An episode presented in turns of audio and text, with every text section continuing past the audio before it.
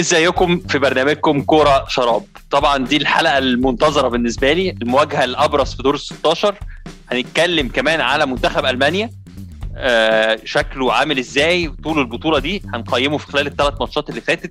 وطبعا لو هتكلم عن منتخب ألمانيا لازم يبقى معايا الخبير الألماني وصديقي طارق حجازي. إزيك يا طارق؟ عامل إيه؟ إزيك يا يوسف؟ أخبارك إيه؟ الحمد لله كويس. قبل ما نبتدي قبل ما أروح لطارق عايزكم تعملوا like و share و subscribe لو عجبتكم الحلقة. ناقشوني في ال commentات. إحنا موجودين على فيسبوك ويوتيوب والحلقة دي أكيد هتنزل إن شاء الله على كل جميع قنوات البودكاست يا طارق إيه رأيك في منتخب ألمانيا؟ احكي لي. آه منتخب ألمانيا تعبنا آه بالذات في الماتش الأخراني ضد المجر لو ابتدينا من الآخر. آه أحبطنا في الماتش الأولاني وفرحنا في الماتش الثاني فهو يعني ال emotions طالعه نازلة طالعه نازلة. لغاية الماتش في الماتش بالذات بتاع المجر انت لغاية آخر دي يعني آخر دقيقتين انت بره البطولة انت مستني جون عشان يعني تنقذ نفسك وتنقذ كمان ختام مسيرة يواخيم لوف مع المنتخب الألماني. بدل ما تبقى نهاية كارثية إن أنت تطلع من الدور الأولاني في كأس العالم وكمان الدور الأولاني في كأس أوروبا أنت لحقت نفسك بتعادل يعتبر مخيب ضد منتخب المجر اللي كان فعلا مكافح وكان بيلعب كويس جدا. أنا عكس ناس كتير شايف إن الماتش الأولاني ضد فرنسا ألمانيا أدوا أداء مش بطال ما كانش أداء وحش. بس كانت الفعالية قدام الجون هي اللي ما ظبطتش. والماتش الثاني ضد ضد البرتغال هو ده اللي أثبت إن التكتيك لما التكتيك اللي اختارها يواخيم لوف اللي هي بتلعب مانويل نوير في الجون. بعدين روديجر هوملز جينتر كثلاث مدافعين. على الجنب الشمال روبن جوزنس. وعلى الجنب اليمين يوشوا كيميش. وقدامهم كان حاطط جوندوجان وكروس. وبدأ بجنابري وهافرتز وميلر قدام. ناس كتيرة جدا وإحنا إحنا الاثنين اتكلمنا على على الموضوع ده قبل البطولة. فكرة إن هو يبتدي بالتكتيك ده كان risk كبير هو أخده. ولكن إجادة ال risk ده بانت بالذات في ماتش البرتغال. وأنا شايف ان إن اختياراته كانت اختيارات كويسة. و I think إن البطولة دلوقتي هتبتدي بطوله مختلفة تماما وهنشوف يعني أداء مختلف تماما من من اللي هو اللي إحنا شفناه في الدور الأولاني. يعني interesting إن الواحد يقول مثلا المنتخب الألماني بالأداء ده و still يعتبر أكتر منتخب عنده passing accuracy وده أكتر يعني أعلى score ما بين المنتخبات اللي موجودة في البطولة. محدش كان يتوقع بال... غير إن هو بيستحوذ على الكره كتير. يعني هو بيستحوذ على الكره أعلى منتخب استحواذا وأعلى منتخب من من حيث الباصات المظبوطة اللي بتطلع من رجله. آه يعني طبعا دي برضه في الآخر الإحصائيات إحنا ممكن نقعد نتكلم على منتخب مسك الكوره كتير بس طبعا منتخب مشكلة منتخب ألمانيا بتبان قوي في الفرق اللي بتعمل عليه ال counter attack لأن عنده مشكلة كبيرة جدا على قد ما ماتس هوملز لعيب مهم جدا في الدفاع فانه لعيب بطيء جدا. آه وعلى قد ما توني كروس واحد من اهم أهم لعيبة الوسط في العالم كله وفي توزيع اللعب إلا إن لعيب بيبطئ rhythm منتخب ألمانيا جدا. بس في نفس الوقت يعني ميزة هوملز إن هو لعيب بيعتبر عنده خبرة من في على على ال على النظام الدولي خبرة عالية جدا. كان من ركائز المنتخب لما كسبوا كأس العالم في البرازيل بالنسبة لتوني كروس برضه هو لعيب بطيء بس في نفس الوقت ممكن في حركة واحدة ممكن يسرع الريتم بتاع المباراة.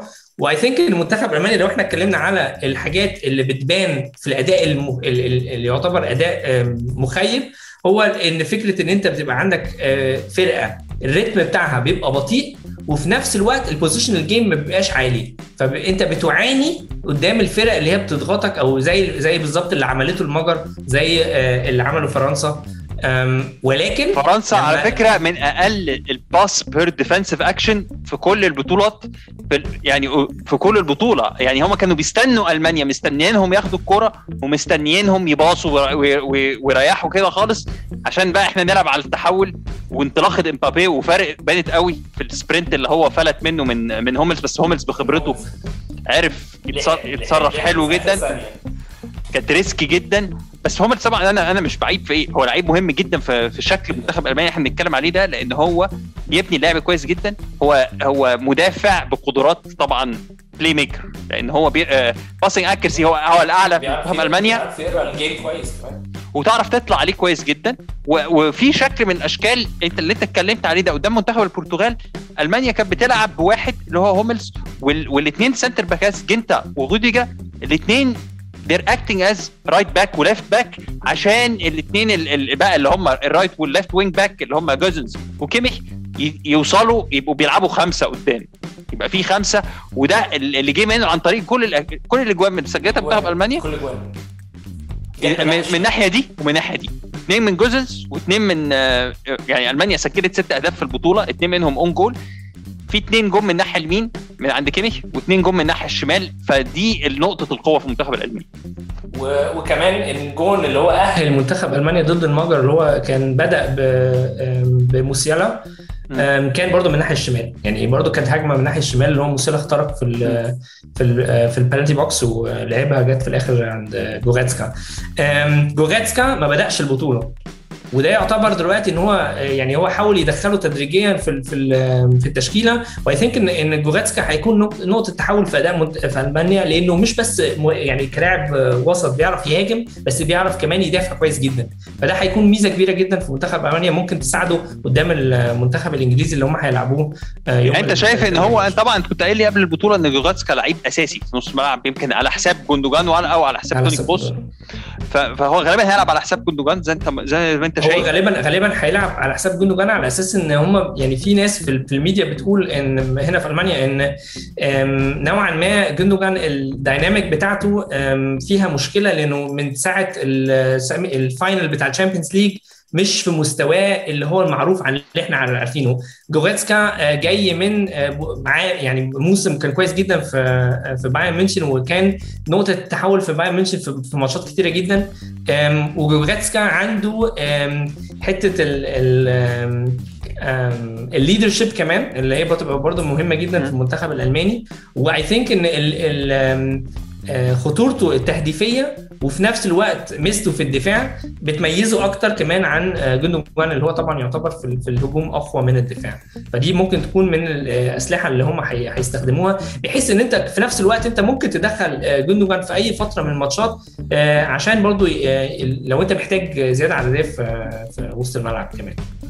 أنت شايف يا طارق إن منتخب ألمانيا عنده مشكلة قدام؟ الثلاثه اللي قدام إحنا شفناه هو بدأ بمولر جنابري هافاتس بعد كده طبعا ميلا ما لعبش الماتش الأخير صح. أو نزل في الشوط الثاني هو راجع يعني إصابة مش سيئة لأن هو لعب بس بدأ بسانيه اللي شارك في ثلاث ماتشات مرتين من على الدكة. بس أنا شايف إن سانيه رغم إن هو طبعا نجم وسريع ومهم منتخب ألمانيا إلا إنه مش مش في أحسن حالاته. مش في أحسن حالاته ومش في مستواه. ويعتبر لغز كبير جدا لم... يعني لمدربين مختلفين. يعني أنت ممكن في نفس الوقت تقول جارديولا فعلا يعني جات frustrated يعني لو وصل بيه اللي هو يعني خلاص مش عارف مش عارف أساعدك. أنت مش عارف تساعد نفسك أنا مش عارف أساعدك. أنا I think ان إن هو ليروي سانيه من اللعيبة مهمة جدا من ال stars بتاعت الفرقة كمان. ولكن I think إن ليروي سانيه محتاج نوع من المعاملة اللي هي تديله حرية أكتر. ما تدافعش كتير عايز تهاجم عايز تهاجم. العب زي ما انت عايز. يبقى يبقى نوع نوع من الحرية اللي هو يستمتع بيها والحرية دي ما يقدرش يعني يواخيم لوف مش عايز يديها له. لأن هو حاطه في في في, الكادر بتاع الهجوم اللي هو لازم يدافع ولازم يهاجم في نفس الوقت. وعشان كده انت تشوف مثلا إن لعيب زي هافرتز لما لما لعب في الماتشين الأولانيين كان بيؤدي الدور ده دور كويس جدا. نفس الحكاية برضو إن هو بيتبادل مع مولر آه ال ال هو عايز ال عايز ال عايز ال إن هم يبقى في fluidity قدام عايز الانسجام اللي قدام ده إن الفرق إن اللعيبة الثلاثه يغيروا مراكزهم مع بعض باريحيه هافرتز طبعا بيخش جوه بسهولة جدا. ثانيا الناحيه على الناحية الثانية هو بيحاول دايما يمسك ال wing أو يحاول يمسك الناحية الشمال ودي بت بتقفل على جوسنس إن هو يتقدم. فهو مش راحته والشكل ال formation مش مريحه لأن الفرق زي ما اتكلمنا ألمانيا بتمسك كورة الفرق بتستني ألمانيا وثانية عايز مساحة. عشان يجي ينطلق فيها. والمساحة دي مش موجودة. آه أنا عايز عايز أشد انتباهك للجون اللي دخل في ألمانيا اللي يعتبر كان الجون الثاني بتاع المجر. أوكي. وكان هم كانوا عملوا بدأوا الهجمة. واللي كان بيجري ورا المهاجم هو كان corner لألمانيا. في ال half بتاعه آه، المجر. بعد كده ده بعد ما سجلوا هدف التعادل على طول. بعد ما سجلوا هدف التعادل على طول. مم. اللي كان بيجري ورا كان آه، كان شيفا اللي هو من آه، اندراس شيفر من من المجر كان. ليروي سانيه. كل الإعلام قاعد يتكلم إن أنت حاطط ليروي سانيه بيحاول يدافع بيحاول يلحق ال- المهاجم المجري. في طبعا آه، في السرعة موجودة بس ال positioning كمدافع مش قوة ليروي سانيه هو طبعا مم. كمهاجم. فاتكلموا ناس كتيرة جدا إن التمركز في في ال set في ال set pieces كان لازم يتغير بحيث إن يبقى يكون مش الثلاث مدافعين في ال في ال في ال corner موجودين مستنيين إن ال corner يتلعب بس إن يبقى في نوع من التأمين خط, خط الوسط بتاع ألمانيا بطريقة أحسن. وده كان من أسباب آه، ال- الناس كتير انتقدت آه، خصوصا إن طريقة- منتخب ألمانيا استقبل قدام البرتغال هدفين الاثنين من ضربات ثابتة مش ضربات ثابتة لصالح ألمانيا يعني واحد واحد لصالح ألمانيا الكورنر بيتلعب لصالح ألمانيا اتردد بهجمة مرتدة سجل منها رونالدو والجون الثاني كان طبعا ضربة ثابتة من من منتخب البرتغال ففي في مشكلة يعني في في الت- في التنظيم ودي حاجة مش متعودين عليها منتخب ألمانيا عامة. بس طبعا طبعا فكرة إن المنتخب الألماني بيلعب اللي هو يعتبر 3 4 3 دي رغم إن معظم الفرق في في الدوري الألماني بتلعب ب 4 4 2 أو 4 2 3 1 فدي طبعا حاجة لازم يتعودوا عليها برضو ك ك كأوتوماتيزم لازم يشتغل برضو في ما بين ما بين اللعيبة وما بين بس اتلعبوا لعبوا بيها في كأس العالم. يعني هو في مش... منتخب ألمانيا عنده مشكلة إن هو بقاله فترة من كأس العالم إن هو مش لاقي ال- الطريقة اللي بيكسب بيها الماتشات. يعني مفتاح الفوز مش موجود. آه، دايما الفرقة بتمسك كورة بس بتبقى استحواذ سلبي. ما فيهوش. بالظبط. مفيش فرق يعني. آه بالظبط. مش مش مجدي يمكن في البطولة دي شكلهم طبعا أحسن أفضل من كأس العالم. رغم إن هم خلصوا ثالث المجموعة برضو مش عايزين ننسى الموضوع ده. هم اتلعبوا الثلاث ماتشات على أرضهم. الفرقة يعني من الفرقة المحظوظة اللي لعبت في ميونخن الثلاث ماتشات وكانوا رغم كده ممكن يخ- يخرجوا. بالظبط. يعني انت الماتش. انت المفروض بتلعب يعني ثلاث ماتشات في أرضك بس انت خسرت الماتش الأولاني. الماتش الثاني يعني انت على بعد آه، هزيمة. في سوء حظ طبعا في الماتش الأولاني. يعني own goal بالظبط. وماتش المجر يعني توقيت استقبال الأهداف كان سيء جدا. يعني استقبلت جون في الأول وأنت عايز تكسب الماتش. وبعدين استقبلت جون أول ما اتعادلت. دي برضو يعني مش من هو إيه. نوع من التركيز. هي كانت مشكلة تركيز في نفس الوقت ومشكلة تمركز. ففكره كمان إن أنت الناس هنا آه، لما شافوا أو أو ماتش البرتغال بين لناس كتيرة جدا. وبالنسبة للميديا إن التكتيك بتاعه لوف لو اتلعبت قدام المنتخب الصح ممكن يعني فعلا تأذي المنتخب اللي قدامه. جروب يعني هو طبعا ناس كتير جدا بتتكلم على روبن جوزنز إن هو كمان آم، ال biography بتاعته very interesting إن هو من لعيب عمره ما كان في أكاديمية آه، هنا في ألمانيا في youth academy راح آه، المعلومة دي برضو ناس كتير ما تعرفهاش إن هو كان آه، بيلعب في فرقة grassroot football وبعد كده انتقل إلى دوردريخت في في هولندا ولعب في في أندية يعني متوسطة دوردريخت وبعد كده فيتيس أرنهايم ومن أرنهايم راح لأتلانتا. فيعتبر من من مفاجآت البطولة روبن جوزنز. مفاجآت البطولة و... وكمان فكرة. يعني he's player with character فده برضه بيفرق مع الفرقة إن هو برضه كمان في أتلانتا آه، بيلعب ال... ال... الأداء ده اللي هو الهجوم والدفاع من الناحية. الناحية الشمال وبصراحة انت الواحد الناس لو شافوا اداؤه قدام هو كان من man of the match في آه، في ماتش البرتغال ومش بس بالإجوان اللي عملها بس كمان بالأداء ال... ال- ده سجل. هو مش مش سجل. مجرد كمان سجل اتنين. في المنتخب. آه يعني هو سجل أول واحد ما اتحسبش وتاني واحد آه، بالظبط. يعني بصراحه بصراحة من مفاجآت منتخب ألمانيا الإيجابية جدا. هوملز برضه شايف إنه عمل بطولة كويسة جدا. خلينا نروح لماتش إنجلترا. آه أنت شايف منتخب ماتش إنجلترا ممكن يتلعب إزاي؟ آه منتخب ألمانيا إحنا اتكلمت عن النقطة بتاعت جوغاتسكا آه شايف آه، إنجلترا قصاد آه، ألمانيا مين اللي يكسب؟ أو مين مين كل واحد هيبقى داخل بشكل عامل إزاي؟ أنا أعتقد قبل البطولة لو كنت سألتني كنت هقول لك منتخب إنجلترا هيكسب. أنا دلوقتي حاسس إن ممكن منتخب ألمانيا يفاجئنا بطريقة غير متوقعة ويكسب على أساس إن إحنا دايما بنقول إن ألمانيا كعبها عالي على على إنجلترا في المباريات الدولية بالذات في البطولات. يعني آخر ماتش لعبوه ضد ضد بعض كان في كأس العالم أه، أه، 2010. في س- 2010 وكسبوا 4-1 وقتها طبعا المنتخب ده كان منتخب يعني آه، كان أكتر يعني كان فيه عنصر آه، اللعيبة اللي هي تعتبر صغيرة في السن اللي هي كسبت كأس العالم أربعة بعد أربع سنين. يعني كان منتخب بالزبط. مبشر جدا. بس في الناحيه الثانية منتخب إنجلترا كان منتخب فيه ستيفن جيرارد فيه فرانك لامبارد وكان برضو التطلعات في السقف. وين روني. وين روني بالظبط. وماتش ألمانيا dominated طبعا في الجون بتاع فرانك لامبارد الشهير اللي اتلغى. الكرة عدت. مانويل نوير ومانويل نوير خدها بسرعة كده إيه غفل الجميع. قبل الفار وقتها. قبل الفار بالظبط. وقبل ما يبقى في حتى goal-line technology يعني أبسط من الفار. بالظبط مفيش لا buzzer ولا أي حاجة ف طبعا ده منتخب هو- في عقدة تاريخية كده عند المنتخب الإنجليزي باستثناء. طبعا إن هم في تفوقوا عليهم في كأس العالم 66 وكانت في, في إنجلترا يعني دي البطولة الوحيدة الكبيره في تاريخ منتخب إنجلترا بس الماتش بتاع دور 16 إنجلترا أعتقد داخلة بال... بال... بثقة أكبر ولا إيه؟ هي طبعا داخلة بثقة أكبر آه، عندها لعيبة في توازن دفاعي آه، أقوى دلوقتي عن السنوات اللي فاتت بالذات فكرة إن هم بيلعبوا ورا بالخمس آه، لعيبة إن هم بيلعبوا كمان بينوع. طبعا إحنا ما شفناش ساوث جيت بيلعب بالخمس لعيبة بس هو لعب بيها في كأس العالم البوزي- 2018 و... و... وغالبا عشان بقى يتجنب مشكلة فرناندو سانتو قدام منتخب ألمانيا إن هو هيلعب هنشوفه لأول مرة بيلعب بخمسه في الماتش ده.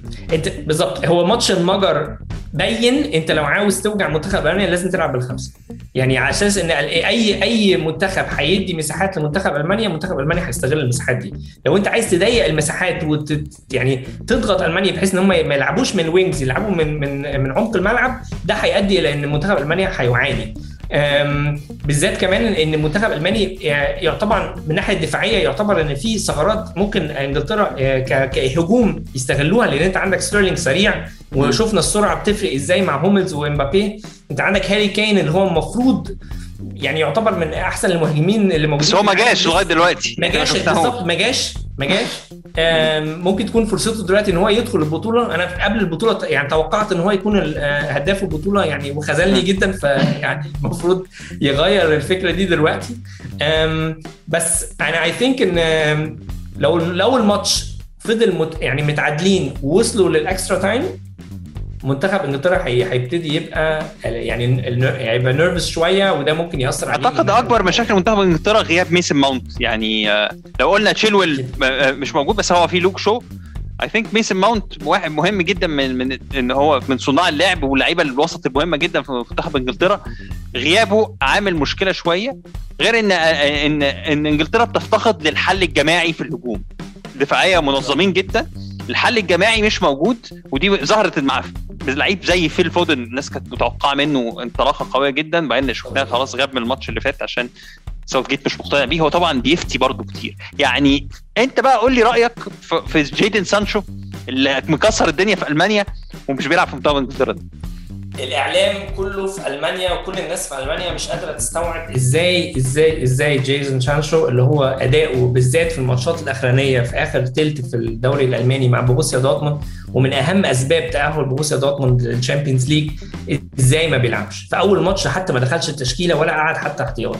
في الماتش الثاني تاني ماتش دخل برضه. بوكايو ساكا. بالظبط. تاني ماتش برضه كان كان في الاحتياطي بس ما كان يعني كان جوه ال squad بس ما كانش ما دخلش يلعب في الماتش. بقى لعب بداله بوكايو ساكا. ففكرة إن بوكايو ساكا اللي هو لعب طبعا كان من أهم اللعيبة في أرسنال الموسم ده. قدام يعني على واحد المفروض آه، هيلعب Champions League دخل الفرقة بتاعته من Champions League بعد ما كان الفرق بينه وبين ال Champions League بعيد. فبرضه بيفرق ان إن آه، جايدن سانشو في BVB غير جايدن. سانشو بتاع المنتخب. يعني ده برضه النوع اللي هو يقول لك آه، زي صلاح بيلعب مع المنتخب حاجة وبيلعب مع ليفربول حاجة تانية. بس ناس كتيرة جدا وعلى فكرة كمان حتى في إنجلترا ناس كتير جدا مش قادرة تستوعب طب يعني اديله حتى فرصة أنت كان عندك كذا ماتش كان ممكن زي. جيدن سانشو من من ال- من طريقة يعني هجومه من طريقة اللعب من ال dribbling من سرعته ممكن يفيدك في حاجات كتيرة جدا. ولكن استفهام كبيرة فعلا. لوتار ماتيوس. النهارده طلع بتصريح قال آه، يعني مش عايزينه يا جماعة اديله الباسبور الألماني. بالظبط بالظبط بالظبط. هياخدوه ويتبسطوا بيه جدا على فكرة. لأن هو هنا اقنع يعني هو باين ان هو اقنع الناس كتيرة بس آه، لغاية النهارده إحنا مش فاهمين هو لازم يعمل إيه عشان يقنع إذا كان حتى ده حتى يعني ساوث جيت لما است... يعني ابتدى يدخل آه، جاك جريليش في ال- في التشكيلة يعني تحس إن ناس كتيرة جدا في إنجلترا قعدوا يطالبوا إن جاك جريليش يلعب يعني هو جاك جريليش. لعب بالضغط بضغط الجمهور. وضغط الإعلام. الإنجليزي تفتكر إن سانيه هيبتدي الماتش ولا ميلر رجع من الإصابة؟ في هل في كلام عن شكل منتخب ألمانيا قدام إنجلترا هيبقى إزاي؟ هو في كلام بيقول إن يعني يعني بالنسبة لل- للدفاع زي ما كان الماتشات اللي فاتت هم يعني هم الثلاثه زي اللي هم روديجر هوملز و آم، وجينتر وجنبهم جوزنس وكيميش ده هي- هيكون يعني لا غنى عنهم. في كلام بيقولوا إن كروز مع جوريتسكا هيلعبوا في النص. يعني جوريتسكا هيلعب على حساب جوندوجان على أساس إن جوندوجان ممكن يخش مثلا في الشوط الثاني وقدام آه، هافرتس وجنابري وميلر هيلعبوا. على أساس إن زانيه يكون على فكرة آم، يوأخيم لوف طول حياته في تدريب منتخب ألمانيا كان دايما يحب إن هو يكون عنده ورقة رابحة على الدكة لعيب سريع. لو تفتكر من أهم يعني التغييرات اللي عملها في حياته كم يعني ك- وقتها كان assistant coach مع يورجن كلينسمان إن هو دخل آه، ديفيد اودونكور في الماتش بتاع كأس العالم 2006 ضد آه، ضد بولندا وعمل هي الرفعه الشهيرة بتاعته ضد أوليفر نويفيل اللي جاب فيها 1-0 وألمانيا عدت للدور الثاني فهو دايما شايف إن أنت يكون عندك impact player يتميز بالسرعة عايز يستفيد بيه. عشان كده مثلا تيمو فيرنا محطوط برضه على الدكة برضه ورقة رابحة جدا ممكن يفرق يعني يفرق برضه إن هو لعيب سريع جدا ده ممكن هي هي هيكون له برضه آه، شأن في في الشوط الثاني جمال موزيالا جمال موزيالا شفناه برضو إحنا في الماتش اللي فات الماتش اللي فات لما اتزنق هو غير شكل هجومي. آه يعني بالظبط. لا أنت كنت قلت لي بالظبط هو شكل كيميش دخل في النص يعني هو عمل إيه بالظبط في ماتش المجر عشان بالظبط. يجيب هو الجون اللي كان ماتش محتاجه المجر عشان كان مضغوط وكان لازم يجيب جون عشان ما يطلعش بره البطولة في آخر ربع ساعة غير ال system على بدل اللي هو 3 4 3 غيره على 4 3 3 بحيث إن هو طلع كيميش آه، جنب كروس في في ال midfield ورجع جوزنس آه، وروديجر وهوملز وجينتر عشان يلعبوا أربعة ورا. وقدام الاثنين اللي هم آه، كيميش وكروس حط جوندوجان. لما جوندوجان ما عرفش يلعب على رقم 10 طلعه ودخل بداله جوريتسكا. ونفس الحكاية قدام آه، طلع واحد من المهاجمين ودخل بداله موسيالا عشان موسيالا برضه من الناحيه الشمال سريع جدا وبيعرف بيجيد ال dribbling وبيجيد التوغل جوه آه، ال box. فده برضه من الحاجات ونزل كيفن فولاند و- كمان. كيفن ونزل كيفن كيفن فولاند آه. كيفن فولاند في ماتش فرنسا آه آه مش يورجن كلينزمان آه يواخيم لوف قال له ارجع دافع ك left back. كان حاجة غريبة جدا. جدا جدا- ناس كتير قال له إزاي؟ أنا أنا عمري ما لعبت left back حتى قالها له كده في الملعب. طب أنا ألعبها إزاي؟ آه كان خرج جوزن ساعتها. بالظبط كان خرج جوزن ساعتها. ف إنما هو في ماتش هو لحق بالأربعة 3 3 لحق نفسه. فبين برضو إن فكرة إن أنت تحط كيميش في النص ده أقوى قوة لمنتخب ألمانيا. فكرة إن كيميش يقدر يلعب في جنب كروس دي بتبقى من من من ال pairings في ال midfield بتبقى قوية جدا. ف حسب الم- المباراه هتمشي شكلها إزاي. يعني everything will depend إنجلترا هتبتدي ال- ال- المباراة إزاي. لأن ألمانيا هتبقى قاعدة مستنية هاجمونا وإحنا هنلعب على ال counter attack مش هنهاجمكم. ولما ألمانيا مضطرة إن هي تهاجم يعني هي اللي تبني ال- الهجمة وكده ده بيبقى فيه نوع من البطء والبطء وقتها بيبقى نوع من ال ال والله دي وجهة نظر يا طارق يعني إحنا شايفين إن منتخب ألمانيا بيبادر دايما في البطولة دي حتى قدام فرنسا هو اللي بيمسك كرة بس برضه إحنا شفنا إنجلترا مش عايزة الكرة. فيا ربنا يستر بقى وما يبقاش ماتش ممل. المانيا ألمانيا لو هو ماتش ممل ألمانيا مستنية ال penalty kicks و okay يعني عايزين كده حاضر مفيش مشكلة. كسبوهم في 96 في, في إنجلترا آه، في ال semi final. 90 في كأس العالم. كسبوهم في تس- 90 كأس العالم والماتشين كانوا penalties وجاريت ساوث جيت هو اللي ضيع البينالتي في 96 لو تفتكر. بالظبط بالظبط لا هي فكرة طبعا كمان إن منتخب ألمانيا عنده نويا فطبعا فكرة إن أنت عندك أحسن goalkeeper في العالم دي برضو بتدي نوع من الأريحية وج- وجوردن بيكفورد يعني آه، يعتبر goalkeeper كويس بس مش على مش على المستوى ال- يعني هو طبعا كان له في كأس مش بطول جدا. برضه الحتة دي. بتفرق شوية. فدي بتبقى advantage بس اللعب على ضربه الجزاء حاجة خطر قوي عامة. الماتش هيبقى فيه 120 دقيقة. وزي ما انت قلت إحنا اتكلمنا برضو في التحولات إن ستيرلينج ممكن يبقى خطر قوي لأن هو سريع جدا. آه على حسب مين اللي هيلعب في ال wing الثاني كلهم سرعة منتخب إنجلترا في منتخب إنجلترا. هاري كين ممكن ينزل وي- ويجريهم وال- والقصة تبقى آه شكلها مختلف. وكالفت لوين برضو آه، ممكن يكون له آه، يعني آه، اللي هو لاعب لاعب بتاع ايفرتون دومينيك كالفرت ممكن- لوين طبعا بس هو هو احتياطي لكين يعني ما اظنش إن هو يلعب بالاثنين روس حربة صراحة. ده لو كين مش مقنع ممكن برضو ينزل دومينيك كالفرت لوين وساعتها هيبقى ليه presence قوي في الجزاء. بالظبط في بالظبط في لعيبة بيبقى ليها presence لأنها بتبقى impact player ممكن يخش في يعني على آخر على آخر الماتش ممكن لو أنت حسب مجريات الماتش شكلها إزاي. فيليبس طبعا كان هو اللعيب بتاع ليدز كان كان لعيب لعب كويس جدا في الماتش فيليبس كالفين فيليبس فلا يعني I think يعني لو الواحد بص لها يعني خط الخط الخط الخط يعني هتلاقي إن ألمانيا ال dynamic بتاع خط الوسط بتاعتها slightly أحسن. هتلاقي إن دفاع ألمانيا بطيء بس عنده خبرة أقوى. هتلاقي إن الهجوم بتاع ألمانيا هجوم قوي. يعني هو ما تقدرش تقول إن إن منتخب إنجلترا يعني حسب إجابته للدفاع هي دي اللي هتحدد مين اللي هيكسب ومين هيخسر. خلينا نشوف. عامة بشكرك جدا يا طارق. آه يعني أظن إحنا جبنا كل نقطة ليها لا تتعلق بمنتخب ألمانيا. آه يعني شوية إحصاءات كده. هوملز أحسن واحد بيطلع الباصات من رجله. زي ما أنت اتكلمت إن إحنا بنتكلم إن منتخب ألمانيا من أعلى ال accuracy في ال passing. هوملز ب 97% كروس ب 92% طبعا لأن فرق المركز في الملعب ده بيلعب وهو متأخر شوية فعنده الوقت أكتر. وفي طبعا باصات simple أكتر. كروس هتلاقيه وصل وصل ب 92% وده معروف عن كروس طبعا. آه الإجوان جت من الناحيتين زي ما اتكلمنا من ناحية آه من ناحية جوزنس وناحية آه من ناحية كيميش تاني أكتر فرقة كمان عملت tackling ز آه في البطولة. يعني دي برضه حاجة تبقى يعني interesting إن ألمانيا مش معروف عنها إنها تعمل tacklings وأكتر لعيب عمل tacklings في منتخب ألمانيا كان توماس مولر فده برضه بيبين لك قد إيه إن فكرة ميلر مهمة جدا للفرقة إن هو من أول الناس اللي بيضغط ومن أول الناس اللي بتدافع. فدي برضه هتكون ليها يعني قلت لي برضو حاجة عن منتخب المانيا وال overlap اللي بيعملوا على الجناب آه فرق. بينه وبين الثلاث ماتشات آه لو تقول لي. قال لك آه في في statistic بتقول إن الفرق يعني معظم الفرق اللي كسبت الماتشات في البطولة دي بالذات يعني في منتخب ألمانيا كمان بالذات هي أكتر الفرق اللي عملت overlap يعني في الماتش الأولاني ضد فرنسا نسبة ال overlap ما كانتش يعني ما عدتش مثلا 12 13 في ماتش البرتغال اللي هم كسبوه نسبة ال overlap كانت يعني ضعف كده كانت باين 23 24 وفي الماتش الأخراني ضد المجر برضو نسبة ال overlap كانت ضئيلة جدا. فهم يعني عملوا إحصائية قالوا إن الفرق اللي بيبقى عندها أكتر نسبة لل overlap هي دي الفرق اللي بتبقى أقرب للفوز. فدي ممكن يكون ليها برضو نوع من impact في ألمانيا إن بالذات جوزنس يعني يعني زي ما تقول is on fire فممكن يبقى يفرق برضو فكرة إن يعني كيميش وجوزنس يبقى كلمة السر كمان في الماتش ده كمان.